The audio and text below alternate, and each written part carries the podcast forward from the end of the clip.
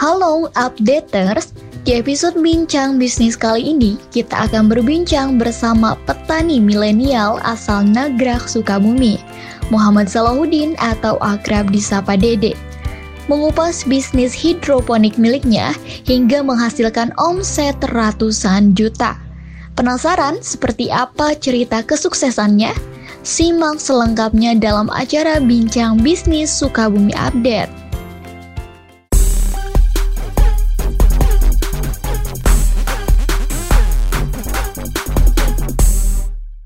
Baik updater, saya Des Febrian dalam program Bincang Bisnis. Kali ini saya sudah bersama dengan Kang Muhammad Soaludin selaku Ketua Wacipam yang akrab dipanggil dengan Kang Dede. Ya, Assalamualaikum Kang Dede. Waalaikumsalam warahmatullahi wabarakatuh Kang. Ya, terima kasih nih. Sudah mengundang ini di mana sih Kang? Desa Nagrak Utara tempatnya di Kape Sinagar ya, Kopi Sinagar. Ka- eh, Kopi Sinagar. Tidak jauh dengan kediaman Akang ya? Eh, tidak sekitar 20 meteran gitu. 20 meteran. Terima kasih nih. Sambil ngopi kita ngobrol santai saja soal bincang bisnis. Jadi sebelum kita eh, membicarakan soal bisnis hidroponik Akang gitu ya sebagai petani milenial karena Akang sekarang usia 28 tahun ya, Kang? 28 tahun. Ah, mungkin boleh diceritakan dulu Kang. Akang memang asli lahir di Nagrak ya. Asli lahir di Nagrak, umur 4 tahun merantau ikut orang tua ke Jayapura sampai umur 25 tahun. Saya pulang lagi ke Nagrak. Sampai umur 25 tahun. Bagaimana Akang bisa akhirnya memutuskan untuk memulai bisnis hidroponik gitu di usia apa usia 25 atau sekarang usia 28 tahun sekarang? Eh, waktu itu dimulai itu usia 27 tahun ya. Hmm. 26 masuk ke 27 tahun. Eh, waktu itu tuh saya pulang dari eh, Papua ke Nagrak dengan tujuan mau cari kerja. Hmm. Tapi setelah sampai sini kita kena pandemi tahun 2020 itu eh, akhirnya kan eh, banyak pembatasan-pembatasan untuk keluar lagi. Hmm. Eh, karena kegabutan sih awal itu. Karena Gabut. Terus saya coba-coba lihat eh, tanaman hidroponik, saya tertarik, saya mulai di eh, skala kecil, skala indu- eh, rumahan dulu. Skala rumahan. Di situ saya jadikan ajang belajar sekaligus saya memperdalami untuk di hidroponik itu sendiri. Oke, jadi dari belajar otodidak ya Kang ya. Otodidak ya. Tapi kenapa memilih bidang pertanian gitu Kang? Akhirnya Kang setelah dari Papua terpikir untuk pulang ke Sukabumi eh, apakah dapat ilmunya dari Papua atau ka- mungkin karena tadi otodidak lalu, lalu akhirnya ah, terinspirasi untuk memilih bisnis eh, hidroponik ini gitu Kang. Eh, saya awalnya juga tidak punya basic di pertanian. Hmm.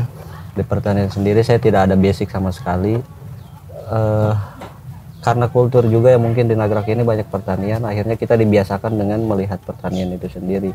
Terus kenapa saya lebih tertarik ke bidang bisnis pertanian? Eh, yang pertama eh, bahan pertanian itu kan dikonsumsi ti- setiap hari ya. Ya. tidak ada kata lockdown atau apa pun saat itu. Jadi kenapa saya memutuskan bisnis di pertanian? Ya salah satunya karena memang itu menjadi kebutuhan kita saat Di bidang eh, pangan ini memang masih dibutuhkan oleh masyarakat ya Kang ya. benar Eh, apakah orang tua punya eh, basic eh, apa latar belakangnya petani ataupun latar belakang Akang pendidikan? Saya pendidikan dari informatika. Kalau orang tua sendiri pun sebenarnya tidak ada di basic di bidang pertanian. Hmm, tadi Akang menyinggung soal skala industri. Berapa berapa luas skala industrinya? Eh, awal saya membangun itu untuk skala industri itu 700 meter ya. 700 meter persegi saya bangun greenhouse, terus saya eh, budidaya sayur, sayur hidroponik eh, seperti pakcoy, salada, kale kailan seperti itu eh, dengan sistem rakit apung. Sistem rakit apung. Iya. Itu sebagai teknologinya Kang ya. Iya, teknologinya sistem rakit apung. Mungkin boleh disampaikan Kang sistem rakit apung apa? rakit apung itu sebenarnya seperti kolam, kolam lele dengan kedalaman 15 cm saja. Hmm. Terus di atasnya dikasih hamparan styrofoam yang dilobangin buat naruh si eh, tanaman-tanaman itu. Terus di bawahnya itu di air dalam airnya kita kasih pompa pompa venturi. Pop akan tuh. Eh, ya tujuannya buat eh, sirkulasi air di dalam itu sendiri sama eh, kebutuhan oksigen untuk tanaman. Nah, Akang tadi kan eh, soal tanaman ada pakcoy, sayuran ya, sayuran Iya. pakcoy. Saat eh, mendirikan usaha ini langsung pakcoy itu seperti apa tanamannya? awal menanam itu kita tanam dulu tuh full salada, Salada. salada, hijau, salada keriting itu. Eh, ternyata kebutuhan pasar itu bukan hanya sekedar salada Hmm. waktu itu. Saya berpikiran dulu eh, seperti di pertanian konvensional awalnya. Hmm. Karena kita belum punya tujuan pasar waktu itu kan. Hmm. Eh, jadi kita tanam full salada yang akhirnya banyak overproduksi karena kalau kita jual ke pasar konvensional memang harganya di bawah. Hmm. Eh, terus kita sharing-sharing dengan teman-teman yang lain, terus dengan market sendiri ternyata mereka itu membutuhkan eh, sayuran itu bukan hanya satu jenis tapi berbagai jenis sayuran. Berbagai jenis akhirnya sayuran. kita tanam sesuai pola permintaan pasar. Jadi tadi akhirnya ada pakcoy, terus apa lagi? Eh, kalau varian tuh kita sekarang tuh ada tujuh pakcoy, secim, kale, kailan, pagoda, Hmm. eh, kangkung, sama salada. Itu eh, untuk supply pasarnya ke, ke pasar atau ke supermarket Kang? Eh, sementara ini kita supply ke supermarket. Tidak door to door ke masyarakat dulu gitu? Eh, untuk saat ini kita sudah tidak ke. Oh untuk saat masyarakat, ini. iya. Tapi awalnya sempat. Awalnya sempat kita dari eh, door to door lah, Mm-mm. dari warung ke warung dulu untuk memasarkan. Kadang pun sekarang kalau ada kelebihan overproduksi, eh, kita biasa eh, door to door juga sih. Dalam eh, memproduksi sayuran-sayuran tadi tentunya kan membutuhkan tempat. Tadi akan tempatnya kan greenhouse-nya Kang ya. Greenhouse. Eh, dan kita ingin tahu dulu mungkin modal awal akan merintis usaha ini berapa gitu Kang? Boleh kita tahu? Dulu itu awal membangun greenhouse itu sampai dengan produksi saya habiskan sekitar 150 juta. 150 juta Iya. itu untuk greenhouse dan juga Produksi bibit apa ya, bibit, eh, nutrisi dan eh, operasional lainnya lah. operasional lainnya membutuhkan 150 juta. Itu uangnya dapat dari mana Kang? Nabung atau Kebetulan saya kan eh, sebenarnya basic dari eh, pekerjaan aslinya itu di konstruksi ya. hmm, sebelumnya Jadi, konstruksi di sebelum konstruksi ini. ya. Eh, sampai saat ini juga masih masih di Masih. konstruksi. Jadi untuk bisnis eh, hari-harinya lah ibaratnya. Terus untuk pengembangan eh, daerah juga saya eh, fokuskan sekarang di hidroponik itu sendiri. Ya, jadi tadi kan Akang saat ini pemasaran ke supermarket. Tapi kita ingin tahu dong Kang, eh, pas awal merintis itu bagaimana cara eh, mendapatkan pelanggan gitu Kang? Akang bisa eh, kenal orang dari supermarket gitu. Karena kan sebelumnya door to door dulu ke masyarakat gitu Kang. Betul. Bagaimana cara mendapatkan pelanggan awalnya? Supermarket juga kita komunikasi eh, awalnya itu lewat media sosial dulu ya. Media sosial. media sosial. Eh, setelah kita menawarkan produk kita ada ada kecocokan, ada keseriusan, eh, kita langsung datangi dengan membawa produk kita itu sendiri. Hmm. Seperti itu. Jadi eh, tidak lepas kita eh, sekarang bermedia sosial kan eh, cakupannya cukup luas ya untuk eh, wilayah Jabodetabek kita bisa akses dengan mudah. Hmm. Seperti itu.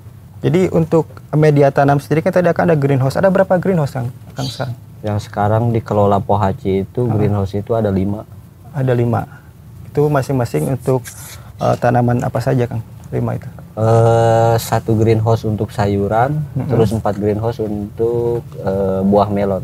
Oh jadi ada buah melon juga Iya. Kang. Jadi eh, tidak hanya tanaman sayuran, jenis sayuran, kemudian juga ada melon ya Kang ya? Betul. Ada. Itu memang disesuaikan dengan kebutuhan pasar. Eh, iya semua sekarang eh, setelah awal dulu kita membangun itu tanpa menyiapkan pasar, sekarang kita memulai dengan menyiapkan pasar dulu. Ternyata pasar melon eh, masih cukup luas, cukup bagus. Akhirnya kita budidaya di eh, vari- eh, varietas baru di melon. Itu bibitnya dapat dari mana Kang melon kan? Melon. Kalau melon sendiri yang kita tanam sekarang ini kan eh, jenis intanon.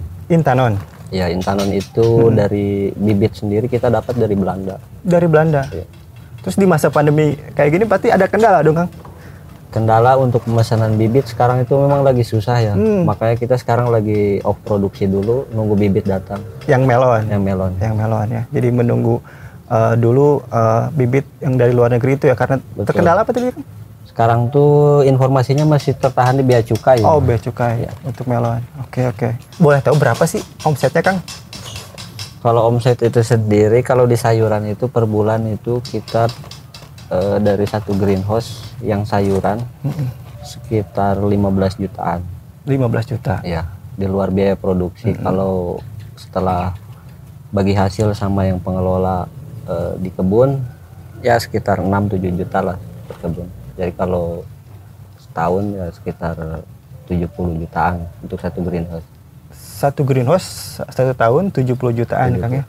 Oh, lumayan ya Kang menggiurkan sekali bagi jadi bagi uh, updaters yang tertarik uh, untuk menjadi uh, petani gitu Kang ya.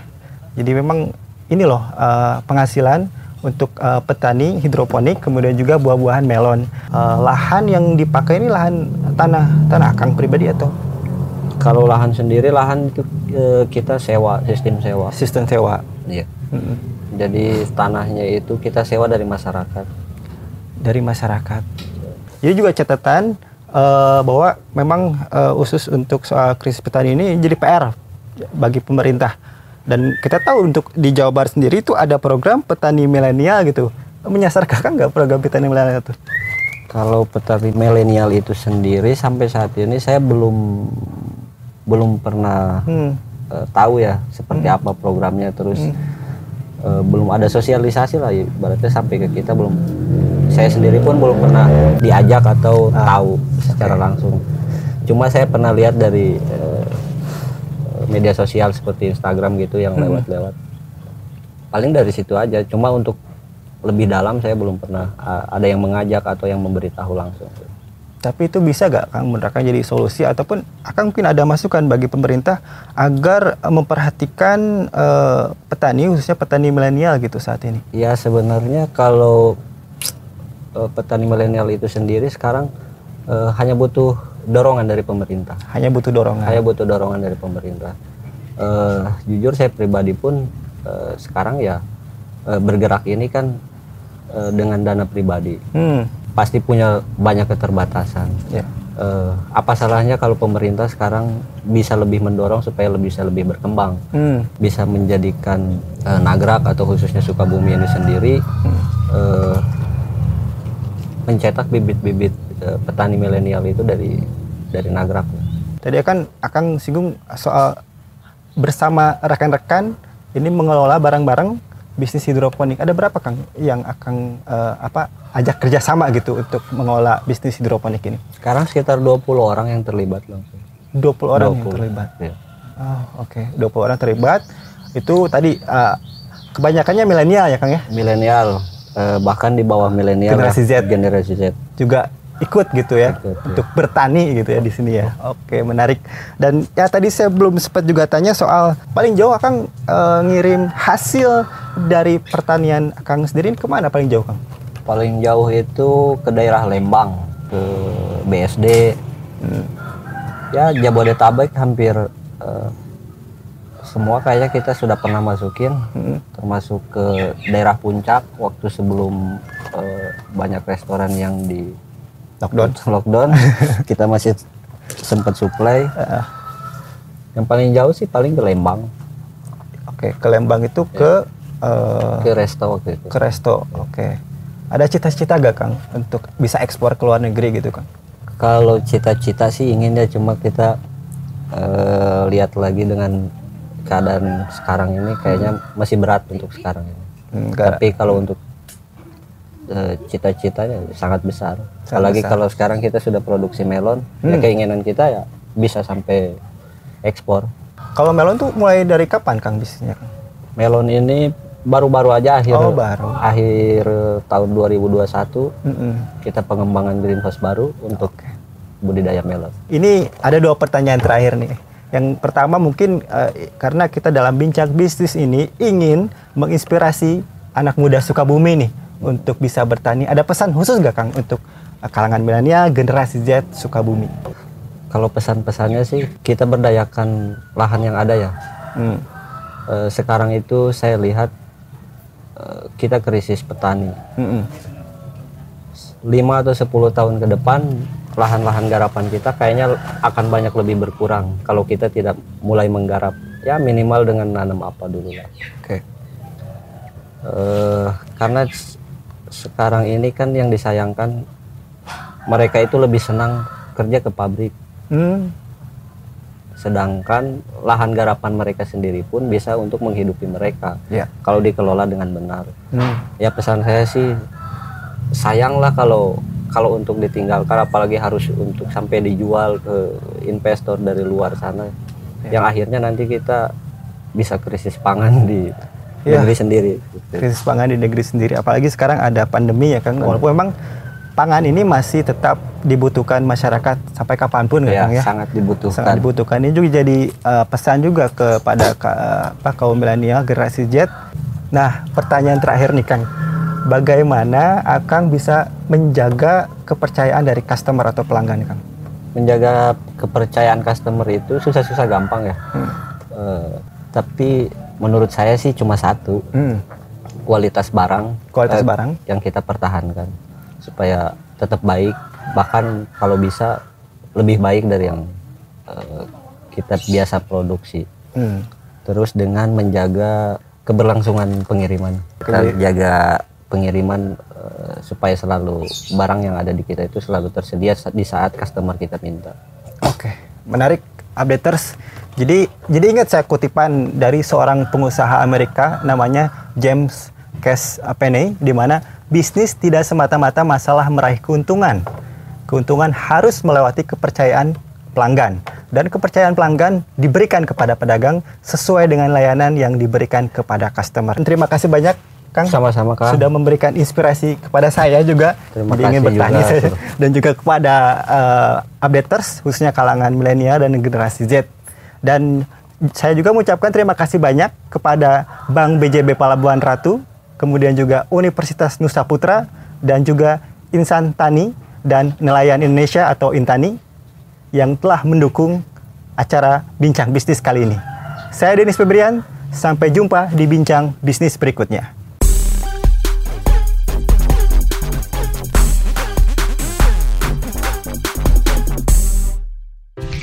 Nah, updaters, itu perbincangan kita kali ini bersama Kang Dede, petani milenial asal Nagrak Sukabumi yang sukses berbisnis tanaman hidroponik.